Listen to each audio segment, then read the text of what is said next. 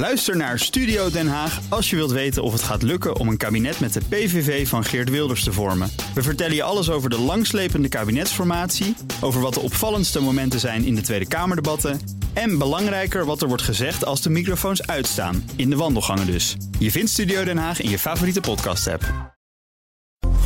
BNR Beurs wordt mede mogelijk gemaakt door Bridge Fund. Make money smile.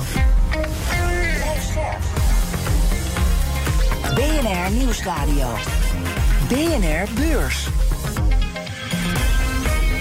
Wesley Weert, Jelle Maasbach. De werkweek is weer doormidden en jij hebt afgestemd op de podcast voor de slimme belegger. Heel fijn en uh, goed dat je er bent. Ja, en heb je vragen, dan mag je ze zeker sturen. Mail je vraag vooral naar bnrbeurs.bnr.nl. Dat vindt Wesley leuk. Die zit altijd door die inbox uh, de hele dag rollen. En uh, dan stellen we die aanstaande vrijdag aan onze gast. En dat kunnen we nu al wel verklappen. Dat is Errol Keijner van de VB. Zeker, maar eerst vandaag, want het is woensdag 22 maart, de dag dat de Amerikaanse centrale bank komt met dat rentebesluit. If you're the Federal Reserve, you're stuck between this rock and a hard place of if you raise interest rates too fast, yeah. you risk breaking another bank, but if you don't raise interest rates fast enough, then you don't take care of inflation. Terug naar eigen land. De AX won 0,8% en eindigt op 741 punten en een beetje. En onze gast van vandaag is Wim Zwanenburg van Stroeven Lemberger Vermogensbeheer. We gaan het zo natuurlijk ook nog hebben over banken. Maar eerst even een uh, ander verhaal dat me opviel. En dat gaat over Mark Zuckerberg. Ik steek nooit onder stoelen of banken dat ik het niet echt een leuke man vind. Maar ik las vandaag dat ik niet de enige ben, want hij wordt aangeklaagd door aandeelhouders. Ja, ik las dat ook. Onder meer pensioenen en investeringsfondsen. Ja. die hebben best wel uh, zware beschuldigingen. Zeker. Ze zeggen namelijk dat Facebook en Instagram jarenlang hebben weggekeken bij praktijken van mensenhandel en uitbuiting. Dat criminelen simpel gebruik konden maken van de platformen om slachtoffers te vinden. -huh. En in een verklaring zeggen ze het volgende erover. In het voorbije decennium hebben de platformen van Meta de daders van wijdverspreide sekshandel, mensenhandel en de seksuele uitbuiting van kinderen, die op grote schaal plaatsvonden op de platformen, geholpen, ondersteund en gefaciliteerd. Nou, dat zijn uh, sterke woorden. Dat is nogal wat. Overigens is Zuckerberg niet de enige die voor de rechter wordt gesleept. Ook andere directieleden en oud-bestuurders. Uh, ja, Wim, uh, zware beschuldiging. Meta gaat natuurlijk ontkennen, dat doen ze al. Maar wordt dit weer een schadeclaim, dacht ik gelijk. Nou, ik, ik, ik waag het te betwijfelen. Maar goed, dit, dit zal ongetwijfeld uh, uitgezocht worden. En uh, de aantijgingen zijn buitengewoon ernstig. Ja. Maar uh, ja, je bent een platform en ze zetten er allerlei filters op. Natuurlijk ook hè, voor de vertoning van bepaalde beelden op, mm -hmm. op, op, op internet, op de platforms. Dat je voor iedere uitlating uh, wordt, wordt aangeklaagd, lijkt mij niet redelijk als je de facilitator van, van zo'n platform bent. Maar dit zijn transacties. Dit is onderdeel van een keten. En dan is het toch wel iets wat uh, echt heel serieus uitgezocht moet worden. En ja, uh, Zuckerberg is de almachtige bij, bij Meta. Ja. Dus uh, metaplatforms. Uh, dus ja, uh, is hij ook zeg maar het mikpunt. Dan ander nieuws, want na drie maanden van daling stijgt de Britse inflatie weer. De inflatie nam in februari met 10,4% toe. En dat is tegen alle verwachtingen in. En onder meer een bezoekje aan een restaurant of café werd een stuk duurder. En dat is slecht nieuws voor Britten die wel van een biertje houden. I see I've almost finished mine and you're just chugging yours like a little baby, huh? You're an English guy. You guys drink beer for a living over there because you got some of the worst food in the world over there. Listen, the top 10 restaurants in the world are in London. And what kind of food do they make? French. ja, helemaal eens. Dat tegenvallende inflatiecijfer is overigens niet alleen een domper voor bierdrinkende Britten. Ook voor Jeremy, Jeremy Hunt, de minister van Financiën van het land. Hij wil namelijk die inflatie dit jaar ruimschoots laten halveren. Maar ja, dat doel is nog uh, ver uit zicht. Behoorlijk. Wim, ja, ook in ons land uh, betaal je inmiddels schil aan een uh, biertje. Drink jij er al minder op? Nou, eerlijk gezegd uh, uh, niet. En ik hoef er ook niet al mijn spaargeld voor, voor aan te spreken. Uh, ja, na twee jaar opgesloten te zijn, ga je natuurlijk toch vaker naar buiten. Terrassen, theater, een, een, een bioscoopje pakken. Jij bent meer gaan drinken. Nou, ik, ik, ik, ik, was niet een hele stille thuisdrinker, maar een beetje gemixt. Ja, en dan naar een historische lening van het IMF. The International Monetary Fund will be issuing a loan to a country that is at war. Voor het eerst in de eigen geschiedenis lenen ze geld aan een land in oorlog. Gaat uiteraard om Oekraïne. Meer dan 15 miljard dollar gaat er naar dat land toe. Maar dat is een druppel op een gloeiende plaat. Ja, behoorlijk. Want vandaag kwamen ze met een berekening naar buiten voor de wederopbouw. En ze, en dan doe ik op, op de Wereldbank en consorten. Uh, ja, wat heeft het land nodig? Dat is een gigabedrag, 380 miljard euro voor de wederopbouw. Oftewel 2,5 keer het BBP van het land. Ja, en een fijne opsteker voor beleggers in bankaandelen. Want die banken die mogen gewoon dividend blijven uitkeren en ook eigen aandelen inkopen. De ECB is niet van plan om beperkingen op te leggen vanwege de onrust van de afgelopen tijd.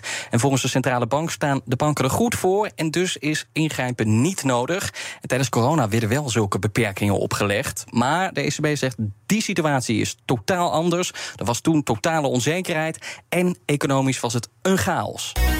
Nike heeft voor miljarden aan schoenen en shirtjes liggen in pakhuizen. Het bedrijf belooft het zo snel mogelijk te verkopen. Maar beleggers die vrezen dat er veel te veel gestrooid gaat worden met kortingen. Maar we beginnen met UBS. Toch al zeker een dag niet over gehad, Jelle. En eh, vandaag had de bank heel eventjes alle verliezen van de afgelopen bankenpaniek goed gemaakt. Het aandeel stond kort op het niveau van een paar weken terug. Dus voor de val van Silicon Valley Bank. En voordat die bank ten onder ging. En de hoop is natuurlijk dat UBS met de schrik vrijkomt. Maar Wim, ja, kunnen we UBS nu al als winnaar bestempelen... na die historische deal met Credit Suisse?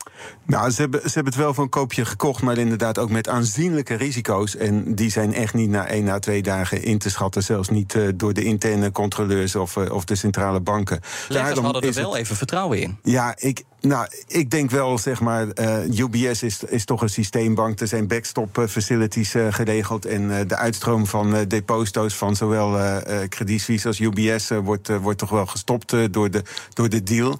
En ja, je zag even een enorm schrik-effect. Je zag vorige week al dat die koers was weggegleden. En afgelopen maandag natuurlijk bij opening zwaar onderuit. Maar het herstel kwam toen al in de loop van de dag. Heeft de afgelopen dagen aangesterkt. Mm -hmm. En inderdaad, vandaag stonden ze even op hetzelfde punt als, uh, laat ik zeggen, drie weken geleden. Maar inmiddels toch weer zo'n 5 of 6 procent lager. Ja, ze zijn weggezakt. Van de week hadden we op jouw plek Koen Bender staan. En die was toen uh, zeer somber over die deal. Eén Zwitserse frank was nog te veel geweest. Er zit een verrotte cultuur in Credit Suisse.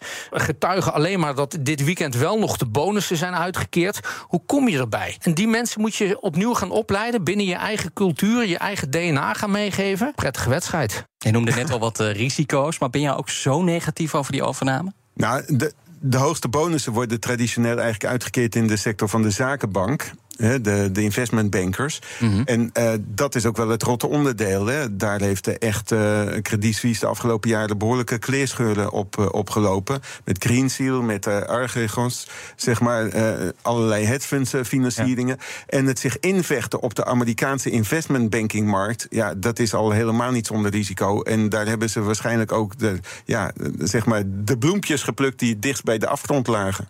Ja, uh, analisten die zien ook de voordelen. Uh, kostenbesparing natuurlijk. Hè. Je kan ja. wat mensen eruit gooien. Uh, maar dan heb je ook nog eens die lage prijs. Toegang tot rijke klanten van Credit Suisse. Zijn die voordelen belangrijker dan de nadelen? Nou, ik, ik, ik, denk, kijk, niet alle assets, niet alle activa, niet alle leningen van uh, Credit Suisse, niet alle investeringen zijn, uh, zijn slecht. Maar je moet wel een goede koper kunnen vinden en zeg maar de risico's weten te beperken van, van de investmentbank. En ja, ik, ik denk eerlijk gezegd, als je je terugtrekt op, op Europa en op de tak vermogensbeheer, dan kan dat toch wel weer een hele gezonde instelling worden. Iets anders, want we hadden het al vaker gehad over de aantrekkingskracht van Amerika. En dan bedoel ik vooral de financiële aantrekkingskracht. De regering die daar met een zak met geld zwaait. Enorme subsidies. Europese bedrijven die gaan daarvoor. Maar er is nog een magneet voor Europese bedrijven. De Amerikaanse beurs. Verschillende bedrijven die verhuisden de laatste tijd naar Wall Street. Schrijven de collega's van het FD. Wim, waarom is die Amerikaanse beurs zo aantrekkelijk, zo'n magneet?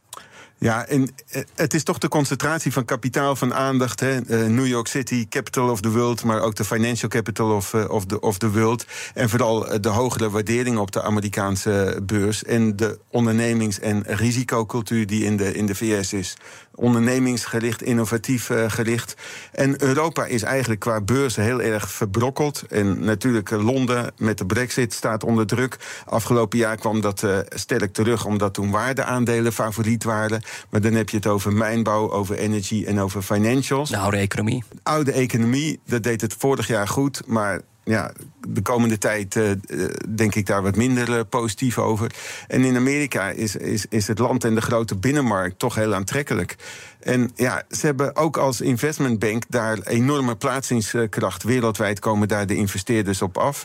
En dan is Europa maar een tussenstation. Wat was voor jou de meest in het oog springende verhuizing? Nou, dan moet je er eentje verzinnen die recent is vertrokken. Nou, ik vond in de tijd al heel opvallend dat bijvoorbeeld NXP Semiconductors, wat eigenlijk een Nederlandse van oorsprong bedrijf is, maar ook hele grote activiteiten in de VS heeft, dat die juist direct voor een notering in, in New York koos. En dat is maar een van de ja, meerdere voorbeelden. Ik dacht, jij gaat ARM wel noemen van de afgelopen ja, Dat is, ja, die is te koop gezet in, door Softbank. En uh, dat is eigenlijk van oorsprong een Britse onderneming, gevestigd uh, uh, in, in de buurt van, van, van Londen, in Cambridge, meen ik.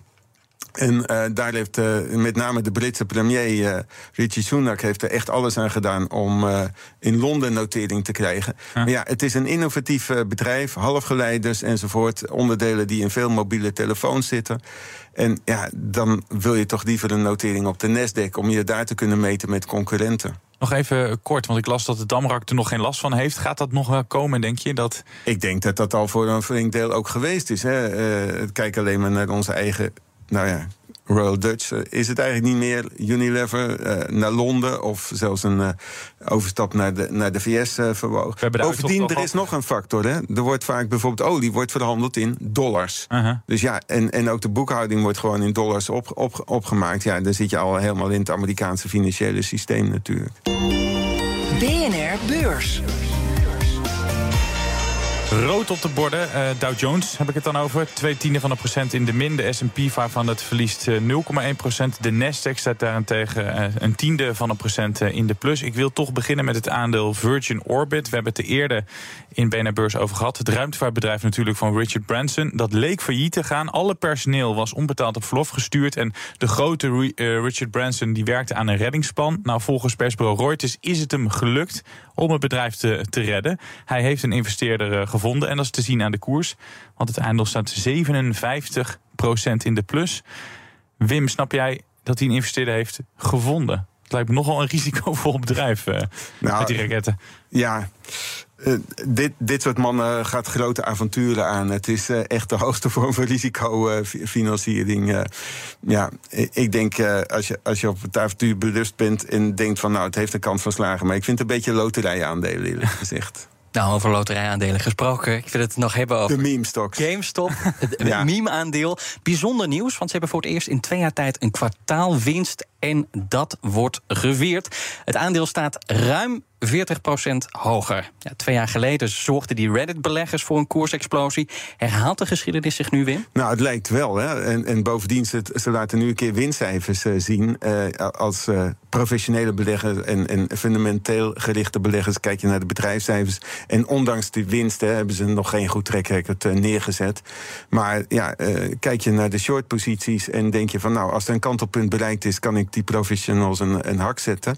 En ja, vele kleintjes maken grote. Die Reddit-platforms die hebben echt eh, de vuisten gebald. En uh, vorige jaren die professionals uh, even uit de markt gekikt. Maar nu zien we dus voor het eerst in twee jaar tijd een kwartaalwinst. Is dat ook een reden voor een vers of is het nog steeds een waardeloos aandeel? Ik, ik geef er eerlijk gezegd niet, niet, niet veel voor. Dit, dit zijn toch echt de hele speculatieve aandelen waar wij ver van weg blijven, eerlijk gezegd. BNR Beurs. Ja, dan naar Nike. De sportgigant die kwam met de kwartaalcijfers. En die cijfers overtroffen de verwachting van analisten. 79 cents a share. The expectation was around 55. Also on the top line as well for revenues, 12.4 billion dollars sales. Expectation was more like 11.5 billion sales. If you see where that came from, really strong in North America, which came in better than expected. In Europe, which came in better than expected. Klinkt allemaal heel leuk als het zo vertelt. Maar de magazijnen die puilen uit voor maar liefst 9 miljard dollar aan sneakers, petjes, broekjes, shirtjes, zweetbandjes en al het andere dat je op de sportvelden nodig hebt. Dat ligt allemaal opgeslagen. Nou, Nike zegt we gaan die voorraden deels wegwerken. Maar beleggers die maken zich toch wel wat zorgen. Uh, aandeel staat. Uh, bijna 3,5% in de min. Snap jij die zorgen van beleggers, uh, Nou, het, het aandeel was eigenlijk al uh, geprijsd voor perfection, uh, zeggen ze dan. Een uh, hoge waardering als je kijkt naar de koers-winstverhouding van rond de, rond de 38. En als je dan nu ziet dat de winstgevendheid wat onder druk komt. Maar het is een berensterk merk wereldwijd. En als je ziet wat, wat de omzetgroei toch is, is geweest. In constant valuta is dat bijna 20% geweest. En ook op de Amerikaanse, Noord-Amerikaanse markt plus 27%. Een, een deel van de kortingen die ze nu geven om de oude voorraad weg te werken, die, die is al het afgelopen kwartaal geweest. China, dat viel erg tegen. Maar dat had ook nog met die lockdowns uh, te maken. En uh, ze hebben een gebroken boekjaar en ook een gebroken kwartaal. Dus daar zat eigenlijk die halfdichte decembermaand zat daar ook nog, uh, nog in. En ja, toen was China nog, nog gesloten. Zometeen even verder over China. Eerst die marges, die dalen wel aanzienlijk. De netto-winst gaat naar beneden. Dat zijn toch wel minder goede tekenen in die cijfers. Ja, maar in dit geval ook al wel enigszins ingeprijsd en verwacht door, door analisten. Maar uh, het aandeel is, is inderdaad wel heel sterk geprijsd ook, een sterk merk. Ja, ja. Uh, en en ja, bij, bij een lichte tegenvaller is het dan uh, gewoon kwetsbaar. Ja, die uh, winkels die open zijn in China, je haalt het aan. In Europa gaat het goed, in de VS gaat het niet goed. Ze hebben het al langer zwaar in China, nog steeds. Denk je dat die verkopen wel weer gaan aantrekken? Ik denk in China, uh, ja, het kan natuurlijk onderdeel worden van, van een politiek conflict. En dan is het een bekend merk en een heel snel gebrand. gebrandschat als een Amerikaanse merk. Dus ook misschien kwetsbaar voor een boycott. En, maar die, ik, ik meen dat het uh, 6 tot 8 procent van de totale omzet is in, in, in China. En wat bovendien ook heel goed loopt bij, uh, uh, bij Nike, is, de, zeg maar hun verkopen via de eigen digitale kanalen. Mm -hmm. Dus waarbij ze de tussenhandel uh, uit weten te schakelen, de grote winkelketens zoals Foodlocker en dergelijke. bovendien ze zetten heel sterk in op diversificatie van het totale productaanbod. Dus ook sportkleding. Maar juist ook de sportschoenen, de sneakers. Dat blijft gewoon heel sterk. Tot en met de basketbal, uh, runners en, en, en, schoenen, noem maar op. Ja. En eerlijk gezegd, als ze die tussenhandel uitschakelen. Ja, dan uh, vloeien de marges uh, toch naar hun toe. Maar dat fragmentje wat ik net liet horen was van CNBC. Er zat een analist die was best wel somber over die Chinese markt. Ik hoor dat nog niet bij jou, tenzij er een boycott. Ja, tenzij een boycott. Nee, het, het is, uh, ook in China hebben die uh, wereldwijde merken echt een, een, enorme status en daarmee een enorme aantrekkingskracht. En ze weten altijd de juiste sportsterren aan zich te binden. Dus daar is de historie vol van. Het ja. is een, echt een, een, bij uitstek een heel goed marketingconcern. Waar de marges natuurlijk onder druk van stonden, was ook wel dat ze afgelopen maanden toch ook last hebben van de inflatie. Dus daar is het nu de omgekeerde schaar geweest. Maar ze gaan die voorraden wel snel wegwerken, omdat het ook steeds meer een modebedrijf is hè, met die uh, sportkleding. Ja, nog iets, iets anders. Ik zag bij Bloomberg het verschil tussen Nike en Adidas op de beurs. Dat gat wordt groter en groter in het voordeel van Nike. Ja, dat is niet bepaald wat je noemt een fotofinish. Uh, ja, uh, Adidas heeft gewoon een aantal hele verkeerde acquisities uh, gedaan. En in, in Amerika daar de, waren ze heel erg in de weer met een bekende rapper, Kanye, Kanye West. West ja. Beter bekend in Amerika als Jay en Jeezy, zijn sportlijn ja. artikelenmerk. Die heeft zich bezondigd aan uh, antisemitische uitlatingen. En daar hebben ze ook afstand van genomen. En toen moesten ze in één keer uh, zeg maar zo'n uh, 1,4 miljard aan voorraad afschrijven. En die kunnen ze niet meer verkopen. En die is niet meer te verkopen. En dat leidde ook voor het eerst in 30 jaar tot een kwartaalverlies bij, bij Adidas. En daar was al een regen van winstwaarschuwingen van een 6, 7, 8 ja. winstwaarschuwingen het afgelopen anderhalf jaar dan vooraf gegaan. Dus uh, die koersontwikkeling die is ook dramatisch uh, geweest. Maar er wordt toch gezegd dat Adidas toch ook wel een heel sterk merk is. Maar als je kijkt naar totale lifestyle uh, en, en, en dergelijke, hoewel ook natuurlijk Adidas probeert terug te komen als, als runner-up. En hebben ze zelfs een, een topman aan weten te trekken van aardsrivaal Puma. Ja, ja maar of die echt een turnaround weet te bewerkstelligen, dat vind ik toch nogal speculatief. En Nike gaat steady, dus die heeft een rondje ingehaald. Puma, die, om in de sport te blijven. Puma uh, heeft uh, toegeprobeerd met uh, Rihanna, dat was het boegbeeld. Adidas met Kanye, nou, dat is een antisemiet, die is de laan uitgestuurd. Nike heeft, je zei het al, zegt de marketingmachine. Serena Williams, LeBron James. Moet Adidas ook niet zo'n sportheld binnenhalen? Nou Dat, dat, uh, dat waarschijnlijk ook. Uh, hè. Maar ik zei al, uh, die sportkleding is tegenwoordig ook steeds meer lifestyle kleding. Dus de wereld van muziek en sport en apparaten, dat, dat wordt allemaal met elkaar verweven. Maar je moet eigenlijk wel een icoon hebben waarmee je het merk identiteit kan geven. En ja. aantrekkingskracht. Je hebt nog geen belletje gehad, Wim. Nou, Over iconen gesproken. Ik denk dat ik sportief ben met mijn dagelijkse inspanningen, maar niet zodanig. Ja, dan gaan we kijken wat er morgen op de financiële agenda staat. We beginnen met nieuws uit eigen land. De Nederlandse bank komt met zijn jaarverslag. En president Klaas Knot die geeft ook nog eens een persconferentie. Daarin staat hij waarschijnlijk stil bij alle onrust in de bankensector. En over banken gesproken, de Bank of England houdt zijn rentevergadering. De rust op de financiële markten lijkt weer teruggekeerd. En daarom wordt verwacht dat de rente gewoon met 25 basispunten omhoog gaat. Tot slot nieuws uit Amerika. De grote baas van TikTok die moet getuigen voor het Amerikaanse congres. Hij doet dat vanwege de toenemende zorgen over zijn video-app. Vooral rond privacy en de nationale veiligheid. Daarom gaat hij proberen om de onrust te sussen. Volgens hem heeft TikTok nooit Amerikaanse gegevens gedeeld met de Chinese overheid. De vraag is of politici daar genoegen mee nemen. Mocht het tot een ban komen, dan kunnen Amerikaanse concurrenten als Snap daarvan profiteren. Straks komt de Fed met het rentebesluit. Er wordt gesproken over een renteverhoging van 25 basispunten. Nog even heel kort, een beetje flauw, Wim. Maar denk jij dat ook? Denk je ook dat ze met het kwartje komen? Ja, als, je, als je kijkt naar de uh, geldmarkt, termijnmarkt, de Federal Funds Futures. Ja, het is voor 88% 88% ingeprijsd dat er een, uh, een kwartje komt. En ja, dat de Fed wel uh, gedaan lijkt. Het is eigenlijk niet zo spannend wat het echte rentebesluit is, maar wat Powell in de toelichting gaat zeggen over de komende maanden. Ja, en of die ook naar financiële stabiliteit of toch vooral naar inflatie kijkt. Dat weten we over een paar minuten. Morgen in onze uitzending meer daarover. Dankjewel Wim Zwanenburg van Stroeven Lemberger Vermogensbeheer. Uh, nou, goed dat je er was. En dit was hem, het einde van de aflevering. Maar voor we afsluiten, nog een tegeltjeswijsheid voor de belegger. Komt die uit het boekje van Corné van Zelf? Die komt uit het boekje van Corné van Zelf. Nou, hoe weet je dat toch? Maar voorgelezen door collega Emma. En vandaag eentje over problemen die komen bovendrijven. Pas wanneer eb en vloed keert, weet je wie er zwemt zonder zwembroek. Tot morgen. Tot morgen. BNR Beurs wordt mede mogelijk gemaakt door Bridge Fund. Make money smile. Ook Hugo Reitsma vind je in de BNR-app. Superhandig die BNR-app. Je kunt alle programma's live luisteren, breaking nieuwsmeldingen. Je blijft op de hoogte van het laatste zakelijke nieuws. En je vindt er alle BNR-podcasts, waaronder natuurlijk de belangrijkste, Boeken zijn in de wijk. Download nu de gratis BNR-app en blijf scherp.